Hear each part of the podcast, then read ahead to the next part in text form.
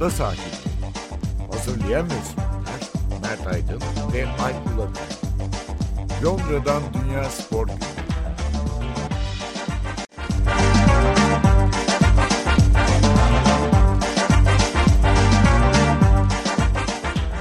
Ada sahillerinden merhabalar. Ben Alp Ulagay. Ben Mert Aydın. 175. bölümle karşınızdayız. Bugün biraz futbol ağırlıklı olacak programımız, podcast'imiz. Şampiyonlar Ligi kurallarına biraz bakarız. Ee, yoğun bir Şampiyonlar Ligi Avrupa Kupaları dönemi olacak Dünya Kupası öncesi. İkinci bölümde de Premier Lig'e 9 gollü maçlara ve bizden ilk kurban antrenörlere değiniriz. Hafta sonu hem İngiltere'de hem İskoçya'da iki tane dokuzluk maç vardı. İki antrenörün işine mal oldu bu. İstiyorsan önce Avrupa Kupalarıyla başlayalım. Başlayalım. 27 sezon sonra değil mi? İlk defa Türk takımının da olmadığı bir Şampiyonlar Ligi olacak. Evet. Tabii çok acı aslında Türk futbolu için. Kademe kademe zaten görünen koy kılavuz istemez. Son 4-5 yılda göstere göstere geliyordu ve Trabzonspor'un elenmesiyle de Türk takımı yok. İki İskoç takımı var. Çek takımı var, İsrail takımı var tabii. Avusturya takımı var, Hırvat takımı var, Ukrayna takımı var. Bir Türk takımı yok. Oldukça kötü. Hani herhalde bir böyle ölüm grubu diyebileceğimiz o Bayern Münih, Barcelona, Inter'li grup oldu. Bir de tabii İngilizlere bakarız. Liverpool yine Napoli'yi çekti. Tottenham dengeli bir grup çekti. Frankfurt'lu, Sporting'li, Marsilya'lı. City ise herhalde o grubu Sevilla'lı falan domine eder diye düşünüyorum. Hele Haaland böyle oynamaya devam ettikçe. Yani e, şimdi biz bu kaydı yaparken Manchester City'nin hafta arası maçı var Nottingham Forest'ta ve hani ilk yarı itibariyle 3 golü var. Hatta ben e, kayıttan önce espri yaptım Alp'e. E, seneye e, Shearer'ın 260 golüne ulaşır. Gelecek sezon bittiğinde böyle giderse. Sonra da artık Real'e mi gider, nereye gider? Ayrılabilir takımdan diye. Hakikaten acayip bir fark oluşturdu. Onu birazdan konuşuruz zaten Premier Lig bölümünde ama şunu söylemek lazım. Tabii Barcelona, Bayern Münih, Inter, Victoria Pilsen dedim yanlış hatırlamıyorum dördüncüde. Şöyle bir şey var tabii. Almanya, İngiltere, İtalya, İspanya e, ana ülkelerden dörder takımın katılıyor olması bu tip enteresan şeyleri daha fazla karşımıza getirecek. Yani Hatta 5 Alman var bu sene biliyorsun Beş Frankfurt'ta. aldım. Evet, evet, bir de, evet Frankfurt'tan dolayı. Bu tip şeylerle karşılaşmamız ilerleyen yıllarda daha da fazla olacak diye düşünüyorum ben. Çünkü direkt artık katılıyorlar. Yani artık şeyde e, önele playoff'ta bazen hatırlarsan elenenler oluyordu. Playoff'ta denk geliyordu. E, ama artık onlar da olmadığı için e, doğal olarak e, hepsi ana liglerin takımları ve değişik potlara, torbalara e, dağılınca birbirleriyle böyle enteresan şekilde eşleşiyorlar. Burada tabii Victoria Pilsen bir acayip bir şeyler yapar ve e, grubu karıştırırsa o zaman tadından yenmez olur. Yoksa işte e, bu takımların aralarındaki maçlarda ne olur? Bol beraberlik mi olur? Ne olur? Hep beraber görürüz. Ama Bayern Münih, Barcelona insanın aklına hani o iki sezon önceki e, maç geliyor tabii. Bir de Lewandowski için ilginç bir şey olacak tabii. Tabii onun için de olacak. Geçen sezon da aynı gruptaydılar. Tabii orada 8'lik 8'lik olmadı ama orada da Bayern Münih e, Barcelona'nın önünde çok üstün maçlar çıkardı. Barcelona'nın hani artık e, yavaş yavaş geri gelecek mi gelmeyecek mi herkesin e, konuştuğu konu bu. E, on Barcelona adına da önemli bir test olacağını söyleyebiliriz. Evet, İngiliz takımlarına da bakalım. Tottenham birkaç yıl oradan sonra geri döndü Şampiyonlar Ligi'ne. Aslında iyi bir kura çektiler. Çünkü seri başı torbadan en zayıf takım belki olan Frankfurt'u çekmek tabii bir talih yani. Onlar için iyi. Aslında şöyle diyelim. Üst düzey bir e, UEFA Avrupa Ligi grubu gibi. E, Evet zaten düşünürsen e, Frankfurt geçen sene Avrupa Ligi'ni kazandı. Marsilya Avrupa Ligi'nde Galatasaray'la aynı gruptaydı geçen için. Bir Sporting Şampiyonlar Ligi'ndeydi Beşiktaş'la. Tottenham'da Avrupa'da yoktu değil mi geçen sene?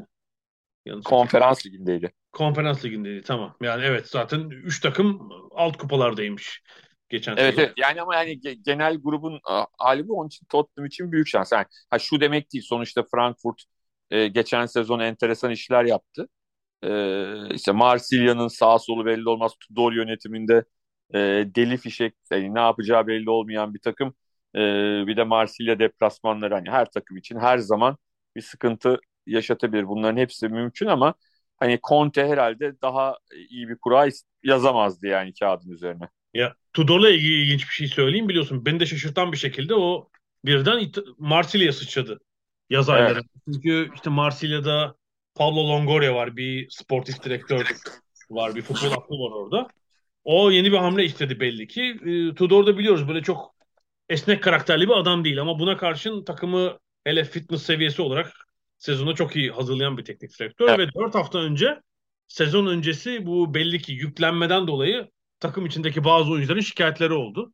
Leki ve manşet oldu. Yani ve sanki lig başlamadan yani adam ayrılabilir, kovulabilir gibi bir hava vardı. Şimdi bu hafta için manşet birden işte Hırvat deha falan o döndü. yani 4 haftada işler değişti. Çünkü Marsilya Saint Germain'le puan puana. Ligde iyi gidiyorlar. Dinamik bir oyun oynuyorlar. Takım içinde de formu hareketine veriyor. Belli ki iyi çalışmayanların gözünün yaşına bakmıyor ki bunlar içinde maalesef Cengiz Ünder ve işte deneyimli Payet de var. Yani çalışmayanı yedi atıyor ve oynatmıyor. Ee, özellikle bizim bu forvet yönelik Türk oyuncuların tabii hiç sevmeyeceği tipte bir antrenör yani. Türkiye'de sevilmemesini de ben ona bağlıyorum. Açıkçası e, Tudor'un. Yani benim gördüğüm bizim işte Cengiz Ünder vesaire şimdi işte Galatasaray'daki Yunus Kerem falan biraz gördüğüm kadarıyla bu oyuncular hiç böyle ileri geri koş gel bütün 90 dakikayı enerjiyle ona falan hiç sevdikleri bir iş değil. Maalesef çok hani kimse bizim bu yeni kuşak Türk oyuncuların akıl hocaları çok yanlış yönlendiriyorlar. Öyle görüyorum ben. Tudor oradan bir ikincilik sürprizi falan çıkarabilir yani. Marsilya yıllardır Şampiyonlar Ligi'nde pek iyi sonuç alamıyor. Evet. Belki bir sürpriz hamle yapabilirler. Liverpool, Ajax ve Napoli ile buluştu. Bir de Rangers var. Orada tabii evet. bence Liverpool Rangers'ı istemezdi şey olarak. Tabii ki güç farkı var ama e, iki maçta şey gibi olacak. Yani bir ciddi deplasman değil de bayağı Britanya muharebesi gibi olacak. Evet doğru. Doğru. Ama ben yani Liverpool bir şekilde oradan e, çıkacaktır ama Geçen yani seneki kadar rahat olmayabilir yani biliyorsun. Evet, yani ölüm grubu Bu ölüm grubu değil ama şeyde değil yani hani yumuşak, yumoş grupta değil yani. Bu, bu grup e, çetin bir grup olacak bence. İskoçlar sürpriz yapar mı ya? Rangers o grupta, e, Celtic'te Real Leipzig ve Shakhtar'lı grupta. Ya açıkçası hani e, Rangers'la e, Celtic yani oturup uzun uzun seyretmişliğim yok. O yüzden hani çok şey olacak. E, işkembeyi Kübra'dan biraz atmış olacağız. Onun için çok fazla konuşmak istemiyorum. Biraz bu hafta e, önümüzdeki hafta bir izleyelim onların Avrupa'daki performanslarını nasıl takım olduklarını e, bir görelim. Onun üzerine çünkü hani hakikaten İskoçya Ligi'nde o güç farklarından dolayı bu takımların gerçek e, net durumlarını anlamak da çok mümkün olmuyor. Evet çok güçlerdi ya. Tabii iki takımın kadrosu, bütçesi, seyirci desteği her şeyi diğer ligdeki 10 takım galiba hepsinden fersah fersah ileride. Chelsea'de Milan, Salzburg, Dinamo Zagreb'li gruba düştü. Chelsea bir takım tabii ligde gördüğüm üzere bir takım yapısal problemler bilmiyorum kadro içinde evet. bir karmaşa var. Hiç işler iyi gitmiyor. Gitmiyor. Yüzden, yani, yani ligde hafta sonu için orada da kolay olmayacak evet. bence. Evet hafta sonu bir hani kazandılar heyecanlandılar ama hafta içinde hemen Southampton deplasmanında telafi ettiler o galibiyeti. Hem bir yenilgiyle. Ee, o yüzden açıkça söylemek gerekirse Chelsea'nin işi zor. Ama şunu unutmayalım. Hani e, Premier Lig'in içindeki o rekabet ayrı mesele ama Şampiyonlar Ligi için hala Chelsea çok güçlü bir takım. Çok kolay olmayabilir bu grup ama Chelsea bir şekilde bu gruptan çıkar. Ben Milan'ı merak ediyorum. Milan'ı hafta sonu merakla izledim çünkü bu sene daha izlememiştim. E, Deketelare'yi kattılar kadroya ve benim çok hoşuma gitti. E, ama hani bir maçla bütün şeyine karar veremem. Hani geçtiğimiz sezon da iyi bir sezon geçirdi en son işte Milan'a geldi. E, ama onun varlığı takıma önemli bir katkı sağlamış durumda. Onun da ne kadar hani Milan'ın Şampiyonlar Ligi performansını açıkçası bekliyorum ama hani şunu da beklemesin Milan e, şey yapan hani Milan'ın o meşhur e, hem 90'lar başındaki kadrosu hem 2007'lerdeki o Şevçenkolu takım gibi bir takım değil Milan şu anda. Buna rağmen yine İtalya şampiyonu oldu. Şampiyonlar Ligi'nde de bir yerlere gelebilir ama hiçbir zaman yani o, o, o seviyelerde bir takım değil. Oyuncu kalitesi olarak, genel oyuncu kalitesi olarak. Yani Çok... bu takımın hala biraz espriyle karışık söyleyeyim en iyi iki oyuncusu 40 biri 41 yaşında, bir tanesi de 37 yaşında yani. Yani ile İbrahimovic. Yani İbrahimovic maçta oynamadı da hani Giroud hala e, ilerlemiş yaşına rağmen takıma inanılmaz katkı veriyor. İbrahimovic herhalde son golü Ocak ayında falan yok artık. Takımın en iyi oyuncusundan biri bile değildir ya. Hayır ben genel şey Hı. anlamında söyledim ya. Şu anlamda söyledim. Yani oyuncu kalitesi diye bir şey vardır ya. Evet. Yani hani bu takımın oyuncu kalitesi anlamında şu andaki fiziksel durumu şey anlamında söylemiyorum. Anlamında en iyi, en kaliteli iki oyuncuları bence o ikisi. Deketelerle de şimdi belki o, öbürleri kötü anlamında daha az katkı veriyorlar anlamında söylemedim. İbrahimovic'den tabii ki daha fazla katkı veriyorlar şu anda ama hani kalite oyuncu kalitesi o Milan'ın o şaşalı dönemlerinin çok altında. Genelle kıyaslarsak. Ben vallahi an... İbrahimovic'in şeyde verdiği e, orta yaş pozlarını takılıyorum. Yani daha çok fitness salonun yıldızı gibi. O yüzden onu pek kale alamıyorum. O ayrı mesele ama yani hani sonuçta e, bu maçta da oynamadı zaten. Kenardan oturdu. Kenarda oturdu. E, maçı izledi ama hani Milan'ın Milan için önemli bir test olacak bence. Tabii İstanbul'da Milan Liverpool finali görüyor musunuz falan. Bu kadar aradan sonra. Ya Milan'ın henüz o seviyede olduğunu düşünmüyorum. Ama hani çok uzun yıllar sonra hani biraz daha belki kendilerini e, bir şekilde gösterebilirler bu kupada. Tabii şu bu transfer mevsimi de bitmek üzere e, Avrupa'da. Türkiye'de bir hafta daha sürecek ama Avrupa'da Perşembe gece yarısı e, Orta Avrupa saatli sona eriyor. Yani tabii İngiliz takımlarının yaptığı herhalde 1.7 milyar euro galiba değil mi? Yaptıkları brüt harcama işte neti de hiç fena değil. İnanılmaz bir transfer harcaması var. Yani diğer ülkelerin takımlarının yaptığının kat be katı üzerinde bir transfer harcaması var. Yani Tabii. Nottingham'ından işte evet. Manchester kadar yani her takım yapıyor. Tabii. Avrupa'ya gidenler de yaptı. Bir de herhalde son dakika transferleri de olacak yani biz. Olacak tabii. Şu anda muhtemelen kaydı yaparken son e, 25-30 saatte bir takım takviyeler olacaktır belli takımlar için. Yani ciddi ciddi farkı bu anlamda mali olarak daha da açıyorlar. Yani tabii bu saha yansımasını biz mesela İspanyolların bir dönem hakim olduğu kadar göremedik aslında. Yani çünkü bir Real Madrid faktörü var. Ne olursa olsun araya girip bir mucize çıkarabiliyorlar falan. Dengeleri var. Ne yaparsan yap. O dengelerde bazı takımlar her zaman aradan sıyrılırlar. Ya bir tek beni şaşırtan şu Real Madrid işte bu pandemi falan bütün bu 2-3 yıllık süreci e, lig şampiyonluğu, Avrupa şampiyonluğu üstelik çok az para harcayarak hatta elde bir takım artık kullanmayı düşünmedikleri oyuncuları elden çıkararak yaptılar ve evet. bir takım biliyorsun işte Marcelo gibi artık hani dönemini kapamış bazı oyuncuları da hani veda ettiler tabii yani.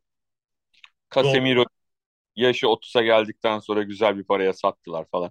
Yani, ee, idari olarak müthiş bir iş yapıyorlar yani bence. Ve de ve de bunu hani en büyük politikası e, şaşalı transfer yapmak olan bir başkanla yapıyorlar. Daha da acayip. Galacticos'un mucidi değil mi adam? Aynen öyle. evet. Yani hani abi onu alalım bunu alalım büyük takımız hani şöyle diyeyim Florentino Perez Türk kulüp taraftar, Türk futbol taraftarlarının rüya başkanı olabilir mesela. O açıdan. Ama o bile bak o bile o bile dünyadaki hani biz Türkiye'de yaşadığımız şeyin dışında dünyada da bir kriz var. Avrupa'da bir ekonomik kriz var. Bu, bu, bunu e, hissedip en azından kendi hissetmese bile danışmanları hissediyordur. Ona ama kendisi uluslararası bir iş adamı yani kendisinin hissetmemesi diye bir şey zaten söz konusu olamaz. Ama buna göre bir plan e, ortaya çıkarıyor olması da çok önemli bir şey bence. Yani önemli bir ders bizim o Türkiye'deki yani gerçekten çok çürük e, yönetim anlayışına inanılmaz bir ders bence. Yani Florentino Perez'den bahsediyoruz. Yani bütün hayatı e, Real Madrid başkanlığı e, rakibin elinden, onun elinden, bunun elinden oyuncular alıp en iyi oyuncuları, dünyanın en iyi oyuncularını alıp Real Madrid'de oynatmak olan bir adam bunu yapıyor. Ve yine başarılı oluyor. Yani çok çok önemli bir ders bu. Ya şu son 2-3 yılda yaptıkları ya, ya da 4-5 transfer döneminde penceresinde yaptıkları bence çok acayip işte. Bailey, Mailey falan filan yollayıp Casemiro'yu satıp evet elde birkaç yaşı ilerlemiş oyuncu var ama hala performans aldıkları Modric, Benzema, Kroos falan gibi. Ama çok fazla sayıları yüksek değil. Üstelik işte Kamavinga, şimdi Chouameni, Valverde, Militao, Vinicius, Rodrigo gibi gayet genç hatta Kamavinga gibi çok genç bir oyuncu grubu da var. Ee, çok dengeli bir yapı söz konusu. Gerçekten alışmadığımız bir tablo Real Madrid'den.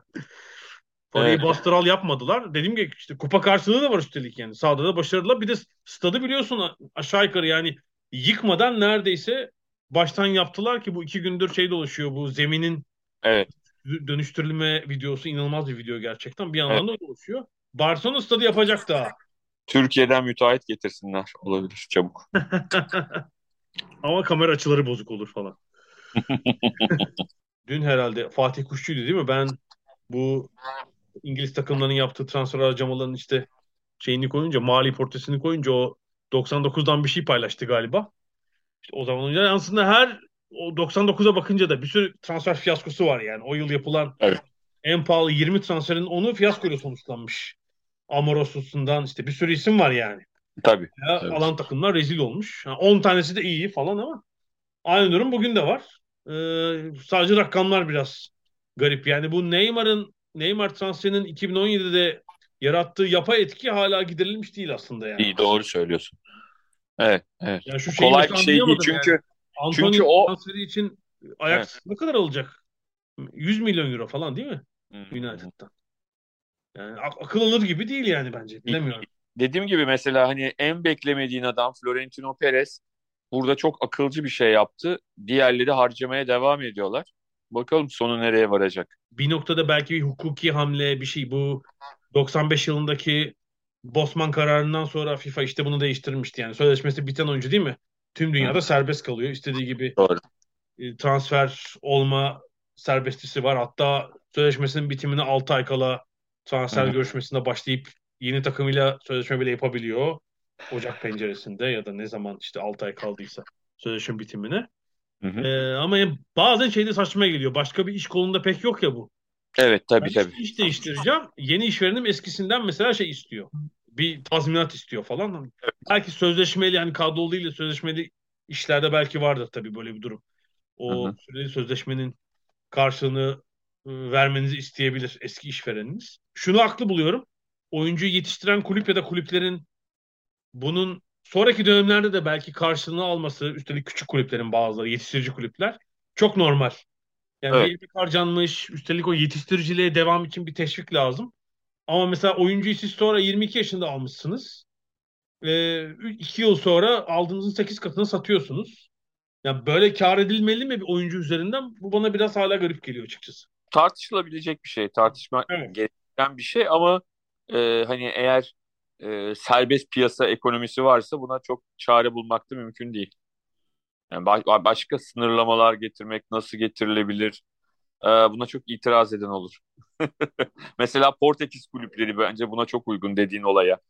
Hani 22-23 yaşında e, oyuncuları alıp 24-25 yaşına geldiklerinde de hakikaten çok büyük paralara satma özelliğine sahipler ama onların da başka türlü yaşama ihtimali yok yani biraz da öyle düşünmek lazım.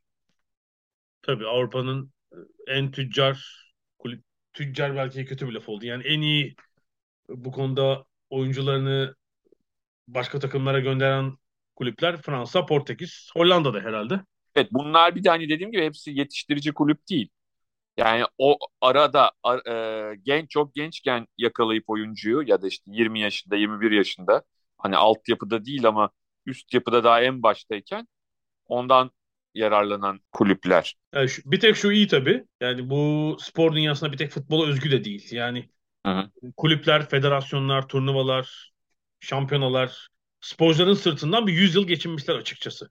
Hı hı. Sporcular haklarını yeterince alamamış. Yani bu işte son 30-40 yılda biraz değişti. Şimdi hani gücün artık sporculara geçiyor olması, futbol örneğinde futbolculara bu sevindirici yani biliyorsun oyuncu kalmak istemezse e, ve oynamak istemezse bir şekilde yani göndermek zorundasınız. Evet yani bir karşılığını alıyorsunuz tabii ama bu yaz da bir sürü örnek var yani. İdmana hı. çıkmayan oyuncular, Hı. kalmak istemeyenler falan işte İngiltere'de Fofana örneğinde oldu.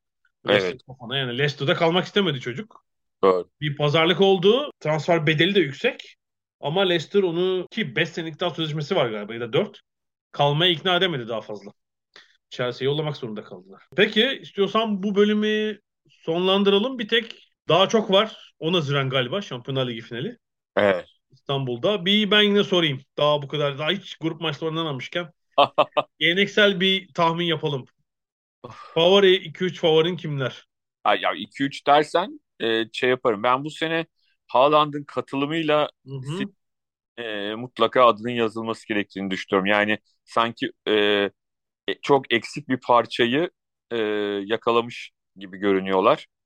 Ee, onun yanına da herhalde daha izlemedik ama Bayern Münih'i mutlaka eklemek lazım. Sanki bu sene Liverpool için o sene değilmiş gibi geliyor bu arada. Hani sanki bu sene o kadar e, oraya gidemeyecekmiş gibi geliyor. Hani e, Real'i de mecburen eklememiz lazım. Yani şu anda City, e, Real ve Bayern Münih diyeyim. Bir numaralı forum ben de City görüyorum bu sene. Yani beğenmediğim bir kulüp ama oradaki 3 büyük oyuncunun biraz da Dünya Kupası tabii morallerine, performanslarına var. Paris Saint Germain'den bir ilginç e, şey çıkacağını, iğme çıkacağını Ama düşünüyorum. iyi hatırlattın. Bence Şampiyonlar Ligi'nin de aslında bütün liglerin de kaderini Dünya Kupası belirleyecek. kimler sakatlanacak, kimler e, çok demoralize, kimler inanılmaz e, moralli e, gelecek. Fiziksel olarak sakat o, sakatlanmasalar bile ilerleyen haftalarda o Dünya Kupası performansı ne kadar etkileyecek. Bence Dünya Kupası çok çok belirleyici olacak bu sezon. Bütün hem yerel ligler için hem de Avrupa kupaları için. Kupaka dünya şampiyonu olmanın moraliyle kulübüne dönen ne bileyim bir Mbappe'yi düşünelim. Messi'yi, Neymar'ı ya da işte başka bir oyuncu, İngiliz oyuncu olsun falan. O yorgunlukla beraber inanılmaz bir moral olacaktır tabii yani müthiş bir Tabii. şey. Kendi liginde oynayanlar için özellikle mesela işte dediğim gibi Fransa şampiyon olsa Fransız futbolcuların Fransa ligindeki her gittik yani stadyuma çıktıklarında alacakları e, tezahürat ama işte kaybedenler, kötü turnuva geçirenler için tersini düşünelim.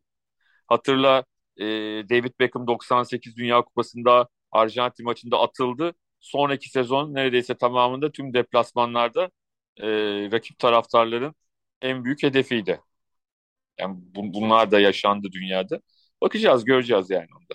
Tamamdır. Bu uluslararası bölümü kapatalım. Ee, Aradan sonra da Premier Lig'le devam edeceğiz.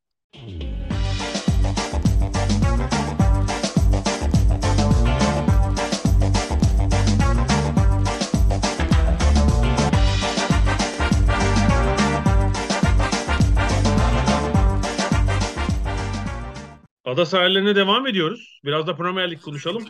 Biz konuştuğumuz saat ve dakikalarda Premier Lig'in hafta içi 5. haftası oynanıyor. Bu arada maçlar devam ediyor. Biz biraz hafta sonunu ve ligde olanları konuşalım. Tabii hafta sonu ilginç. Biri Premier Lig'de, biri İskoçya Premier Ligi'nde olmak üzere. İkisi 9-0'lık sonuç var. Liverpool daha 5-6 dakikada darmadan ettiği Bournemouth'u 9 golle uğurladı. Ee, Celtic'te deplasmanda Dundee United'a 9 tane attı. E, iki acayip sonuç ve önce Scott Parker'ın, Bournemouth antrenörünün sonra da Dundee antrenörü, Dundee United antrenörü Jack Ross'un işlerine mal oldu tabii bu iki 9'luk sonuç. Ama şu var yani şunu söyleyelim. Hı E, Scott Parker'ın sadece bu 9-0 mal olmadı. Yani arka arkaya aldığı e, net yenilgilerin ardından anladığım kadarıyla bir sıkıntı oldu ama hani e, burada sanki şunu düşündüler. Scott Parker daha önce de biliyorsun Fulham'ı çıkarıp e, Fulham'la birlikte düşmüştü. Benzer bir şey mi oluyor yine? Hani Scott Parker acaba bir championship hocası mı gibi bir hava oluştu sanki. Biraz yani şeyi e, bence sportif açıdan şu bu hafta içi olan Wolves maçıyla başlayan fikstürü beklemeleri lazımdı. Çünkü 5-6 maç bence çok iyi fikstürleri var. Çünkü ilk Aston Villa galibiyetinden sonra City deplasmanı, içeride Arsenal, Liverpool deplasmanı. Tamam. Evet. Evet, 16 gol yiyip hiç atamadılar ama yani 3 maça zaten 0 puan yazarsın. Ya biçimi kötü ama normal yani. 3 maçtan puan alamamak. Bence yönetimi anladığım kadarıyla kovduktan sonra yaptıkları açıklama da gösteriyor. Demin'in yaptığı, kulübün Rus sahibinin yaptığı açıklama. Yani Scott Parker'ın sürekli bu transferdeki yetersizlik, kadromuz zayıf açıklamaları falan onun çok canını sıkmış belli ki. Liverpool maçından sonraki basın toplantısında da benzer şeyleri söyleyince artık buraya kadar dedi. Yolladı. Yani sportif açıdan bence hatalı, idare açıdan hani kamuoyu önünde böyle bir itiş kakış olması tabii patronlu kulüplerde çok anlaşılabilecek e, bir durum değil. O da böyle bir karar almış. E, Liverpool'da evet yani 3 haftanın kötü 3 haftanın acısını onlardan çıkardı gerçekten. Daha yani 10. dakika 2-0 olmuştu maç zaten. Hani nereye doğru gittiğine dair bir fikrimiz oluşmuştu maçın 10. dakikası itibariyle. Bu arada o maçta da oldu. Şeyin özetini izlerken ben o 9-0'ı merak ettim. Celtic taraftar da deplasmanda ten ten ten diye tezahürat yapıyor. İnanılır gibi değil yani. Onu istediler. Ya, bizim ülkede meşhurdur biliyorsun böyle derbi maçından önce bile e, taraftara mikrofon tutulduğunda 5-5-5-5 der yani mesela 5 olma çok düşük olsa bile. Burada tabii artık iş fanteziye dönmüş 10 diye bağırdılar e, Liverpool'lularda e, Bournemouth karşısında. Yani işte bu şeyler çok sıkıntılı olabiliyor. Yani bir takımın e, üst üste kötü sonuçlar aldıktan sonra patlama maçına denk gelmek sıkıntılı olabilir. Yani belki başka bir hafta bu maç oynansa 5-0'dan sonra çok rölantiye alınan bir maç olabilirdi. Bir oyun olabilirdi ama hani hakikaten birkaç haftadır Liverpool'un lig sezonun başından beri puan kayıplarının ardından hele United yenilgisinin ardından böyle bir e, şeye ihtiyacı vardı. E, galibiyete. Hatırlarsan o meşhur Beşiktaş maçı da öyle bir döneme denk gelmişti. 8-0'lık. Yani Liverpool'un üst üste e, kötü sonuçlar aldığı bir döneme denk gelmişti. O dönemlerde bu tip takımlarla oynamak bazen hoş olmayan sonuçlar yaratabiliyor. Ama bu şu anda da biz kaydı yaptığımızda Liverpool sahasında Newcastle United'a yeniliyor. Yani bu hafta da hafta içi de yenilirlerse evet. zaten yani hem moral bozukluğu üstelik tepedekilerle fark iyice açılmış olacak yani işte Arsenal'la evet. 8 puan falan olacak fark. Ee, yani bir hale doğru gidiyor durum. Evet tabii Newcastle bir Bournemouth değil yani. Onu hatırlarsan geçen hafta da konuştuk. Muhtemelen Newcastle o üstlü, üstün hemen altındaki grubun liderliğini oynayacak. Yani ilk 7'ye girmede. Belki de hani orada United e, üst üste galibiyetler aldı ama hani ne kadar gidecek, ne yapacak bilmiyoruz. Oralarda düşen bir takım olursa onun yerine bir altıncılığa da e, şey olabilir. Aday olabilir Newcastle. Burada tabii işte Liverpool'la ilgili yazıları, medyayı falan okuyunca da hani şuna vurgu var. Bu ilk yetersiz 3-5 haftadan sonra hani forvete bir oyuncu aldılar. Şu an henüz çok faydalanamasalardı ama orta sahaya da bir evet. hemen sonuç verecek transfer lazımdı. Onu yapmadılar. Daha doğrusu Jurgen Klopp hani Harvey Elliott ve aldıkları genç Carvalho'yu biraz hani oradan birini Hı-hı. ben tak ilk 11'e yerleştiririm diye herhalde güvendi ama diğer deneyimler sakat olunca Tabii. süreci iyi geçmiyor ve Iago'nun bence özellikle çok önemli sakatlığı. Keita da yok. Hani onun en azından şey... birkaç maç alternatifi olabilir. Evet bir de tabii yani şey de çok kolay değil. Bunu da e, herkes o gitti onun yerine o alındı falan filan konuşuyor ama sonuçta birkaç yıldır Mane bu takımın o ilerideki grubun en önemli isimlerinden bir tanesi. Ki belli dönemlerde en önemli ismi oluyordu. Şimdi gidince bir anda bütün o sistemde bir karmaşanın olması çok normal geliyor bana. Ben yani bir evet bir 8 numara hüviyetinde birini alırlar diye düşünmüştüm. Mesela aklım hep Yuri Tillemans'taydı. O da Leicester'da mutsuz çünkü. Ve bir yıllık sözleşmesi kaldı ama ya o başka takımı istedi ya işte söz, son yıl olduğu için sözleşmenin kimse belki Leicester'ın istediği ücreti vermek istemiyor transfer bedelini falan. Ee, olmadı mesela. Hatta son bu hafta bile düşündüm dedim Liverpool'dan bir transfer hamlesi gelir mi sürpriz bir hamle ama yani herhalde bu 24 saat kala böyle büyük para harcayıp birini alırlar mı bilemiyorum gerçekten şaşıracağım. Bir de şunu söylememiz lazım herhalde hafta sonunun özellikle sosyal medyada sadece İngiltere sosyal medyasında değil dünyadaki tüm sosyal medyalarda dünya üzerindeki Türkiye'de dahil konuşulan konusu e, Fantasy Futbol Ligi'nde İngiltere'de de çok popüler olan ve uluslararası anlamda dünyada herkesin katıldığı ligde kaptanını e, Muhammed Salah yapanların yaşadığı büyük hüsran diyebiliriz. ya bir gol atar. 9 golü var ya. Birini atar. Bir işte. asist yok ya. Bir asist yok. Hani golü bıraktım asist puanı alacak bir durum yok yani. Ve de boş kaleye kaçırdığı iki tane pozisyon var. Ardından gülmesi bile e, fantasy futbol oynayanların bayağı bir sinirini bozmuş. Kaçan gollerden sonraki gülüşleri bile. E, Ama bütün dünyada yani hani hakikaten istisnasız. E, çünkü çok popüler bir oyun fantasy futbol ve e, Premier Lig'de en popüler lig olduğu için doğal olarak çok fazla o katılımcısı olan bir lig ve uluslararası anlamda neredeyse dünyanın bütün ülkelerindeki e, hani timeline'da fazlasıyla Salah aleyhine yazılar ve görüşler vardı. Bir gol atar insan şey gibi olmuştu. Bahis tutturamayıp hani o evet, evet. takıma veriştiren, küfreden falan şeyler olur ya. Hayır 9-0 maç hani 3-0 olsa anlayabilirsin olur yani. 9-0 ve Bunu bahisçileri ve fantasy futbolcuları yatırmak için Salah'ın yaptığı küçük bir sürpriz. Küçük bir şaka. Şaka. Bu arada Haaland müthiş gidiyor. Yani hafta sonu hat-trick yapıp 6 golü bulmuştu. Bir üçleme de hafta içi yaptı. Yani 4-0 devam eden City Forest maçı var. Yani 9 gol oldu 5 haftada. Maç 5-0 bu arada. Beş, kaç golü var ama onun 3 golü var. Yani. Gol hala evet, evet. O da atmadı. Ama hani şu, şu ortalamayla gitse hani sezonun 70 golle falan bitecek. O olmaz tabii çünkü arada Pep'in onu dinlendireceği maçlar falan da olacaktır mutlaka. Ama şu andaki tempo ve lige girişi bence muazzam. Bir de tekrar şunu söyleyelim. Bak bütün futbolcular yani birçok futbolcu daha doğrusu bütün futbolcular değil Dünya Kupası'na da o formu saklamak istiyor. E, Norveç Dünya Kupası'na gidemediği için e, Haaland'ın öyle bir derdi de yok. Alternatif bir kupa düzenlensin onu formda tutmak için gidemeyenler. Türkiye, hayır, hayır yani onun için tamamen kendi Premier Lig ve Şampiyonlar Ligi'ne konsantre etmiş durumda. Aslında oyun içinde bir takım uyumsuzluklar da var mesela 2-0 yenik oldukları Palace maçının ilk yarısı yine top gelmiyor falan ama bir takım oyuncusu, iki çalışkan, üç eski tip golcü gibi bir yandan pozisyonu kokluyor, kafa mafa ayak sokuyor yani. Ve üstelik bunu yapacak inanılmaz bir fizik gücü de var tabii. Evet ama yani şunu söyleyeyim estetik çok düşük yani top mesela e, hani onun boyutunda olan adamları düşünüyorum. Zlatan İbrahimovic mesela. Hı hı. Yani mesela onun ayağına top geldiğinde mesela bu arada Haaland oyundan çıkıyor. 3 golden fazlasını atamayacak. Ya yatırdı kuponumu hocam ya.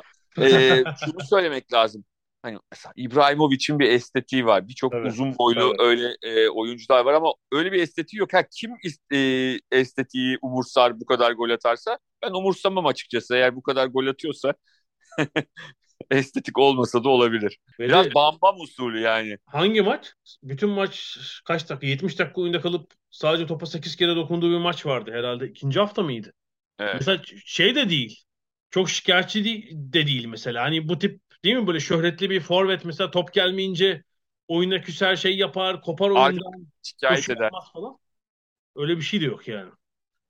İlginç işte o bir kuzey felsefesi yani her zaman işine konsantre Leeds'te doğmuş bir e, Norveçli. yani sağlıklı kalırsa evet. hem City'yi çok acayip bir yere çıkarabilir ligde ve Şampiyonlar Ligi'nde. Kendi de çok acayip bir gol sayısına ulaşabilir gerçekten. Yani şu 5 hafta 9 gol çok acayip bir sayı. yani rahatlıkla dediğim gibi işte 3-4 maç hani sakat. Ya 5 maçta 9 sayı atamayan basketbolcular var. ya bir hikaye anlatacağım. Bunu da anlatayım çok eski bir hikaye. Yani 30 küsür senelik bir hikayeden bahsedeceğim. Ee, Gelişim Spor'da çalışıyoruz. Fenerbahçe Galatasaray basketbol maçı var. Ee, maç oynandı işte. Fenerbahçe Galatasaray'ı yendi. Adını vermeyeceğim. Oyuncunun bir oyuncu iki sayı attı. Galatasaray'ın yeni transfer ettiği ve önemli bir oyuncu. Sadece iki sayı attı. İşte dergide oturuyoruz. Ee, buradan da geçmiş olsun dileyelim Hıncal abiye. Hıncal Uluç baktı sayılara. Yahu dedi Tanju bile 3 gol atıyor bir maçta Fenerbahçe'ye dedi. Nasıl iki sayı atar sahteci maçında şeklinde. Ya bu, bu şey yani 5 maçta 9 gol neredeyse yani hani öyle 5 maçta 9 sayı atamayan basketbolcu oluyor duruma göre yani. Hakikaten önemli. Evet yani tabii bazen ligi o golcü hızlı girer işte ilk 5-6 hafta çok gol atar ama hani şeyi düşündüğümüzde Pep dizginleri bırakan bir antrenör değil yani. Bütün sezon her maça ayrı konsantre olan ve City'de biliyorsunuz yani işte bu belli dönemlerde farkı açtıkları, şimdi Dünya Kupası'na denk gelen dönem falan kendi gol performanslarının da ötesindeler belki şu lig başı için. Evet, evet, evet. evet. Mesela iki, iki önceki maçta biliyorsun Foden'la bir küçük bir tartışması olmuştu. Hı hı. Foden ona pası vermedi, pozisyon kaçtı diye. Biraz önce ekranda e, ikisi yedek kulübesinde birbirlerinin yanaklarını sıkarak falan birbirlerine espri yapıp gülüyorlardı. Yanak sıkma egzersizleriyle hazırlanıyorlar. evet, evet hayır yani. Hani sen demin dedin ya kızmıyor etmiyor. Yani orada küçük bir tartışma bile olmuştu Foden'ın ona pas vermemesi. Hani kendisi e, boştaki e, ne vermedi? Kendi golü atmaya çalıştı. Acayip bir yerden Evet, evet. Apraz'dan. Ee, ama hani şu, biraz önceki görüntüde çok net gösteriyor ki hiçbir sorunları yok. Evet, yani oyundan çıkınca da herhalde zaten 3 gol atıp çıkınca pek şikayet etmezsiniz belki ama hani o da olur böyle bir bozulma falan. Şimdilik Çok uzatmayalım sona geliyorum. Bir şeyle bitirelim. Dördüncü hafta sonunda bir de tabii lig erken başladığı için Ağustos ayı içinde Premier Lig'deki ilk antrenör kovuldu. Dediğimiz gibi biraz sportifin yanında bir takım idari anlaşmazlıkların olduğu bir sebepten herhalde Scott Parker görevinden ayrıldı. Bundan sonra kim olur görevinden ayrılan antrenör? Güzel bir soru. Güzel bir soru. Ee, Valla benim adaylarım arasında Frank Lampard var. Hı hı. Yani düzelmezse. Yani dün aslında öne geçtiler. Vah dedim acaba içimden her şey düşmüyor ama olmadı. Ee, berabere bitti maç.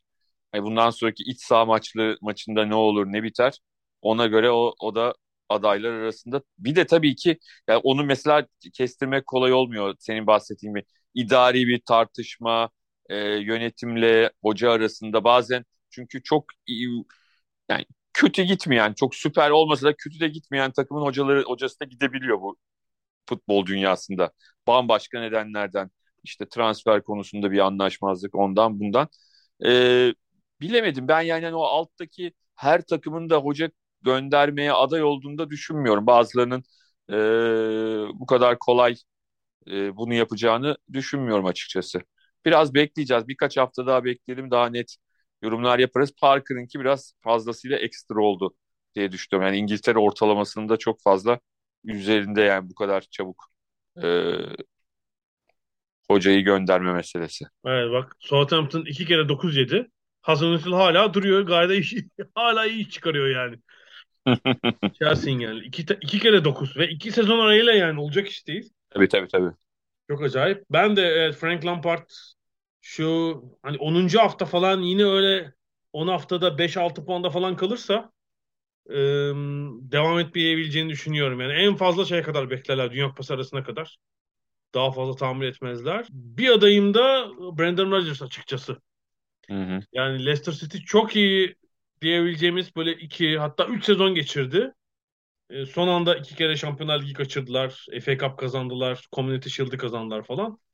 Ama kulüp sahibi e, Taylandlı Sriva Brap ailesinin bir takım mali problemleri, aile serveti son 5 yılda %60 oranında azalmış. Yani diğer işlerinde sorun var ailenin.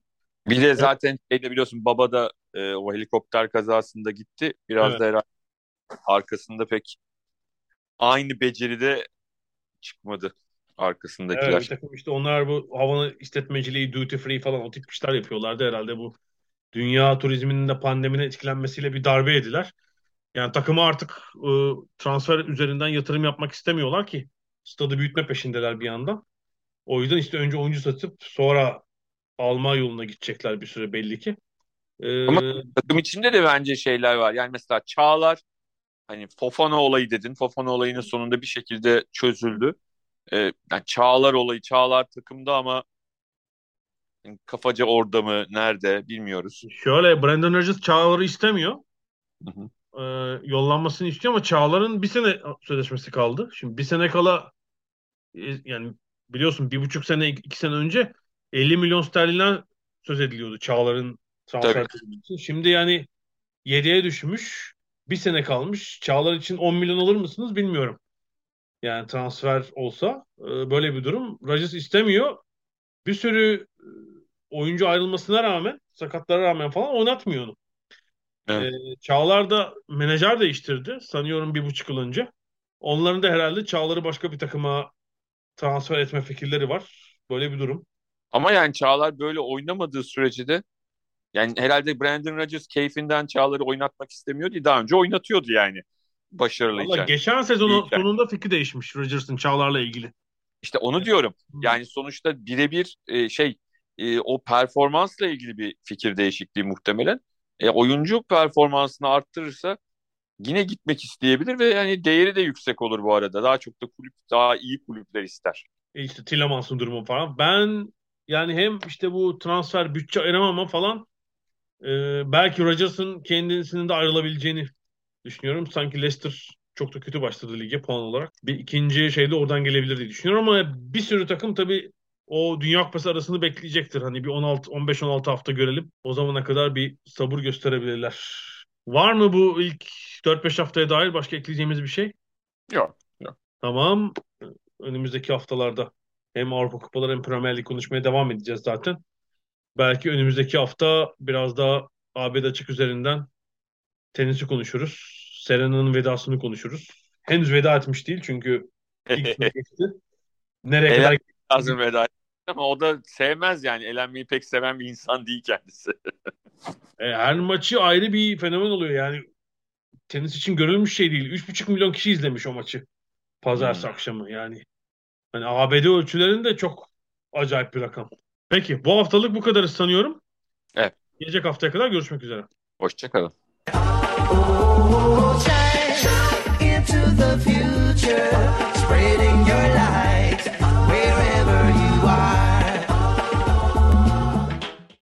Ada sahili. Hazırlayan ve sunanlar Mert Aydın ve Alp Ulagay. Londra'dan Dünya Spor Günü.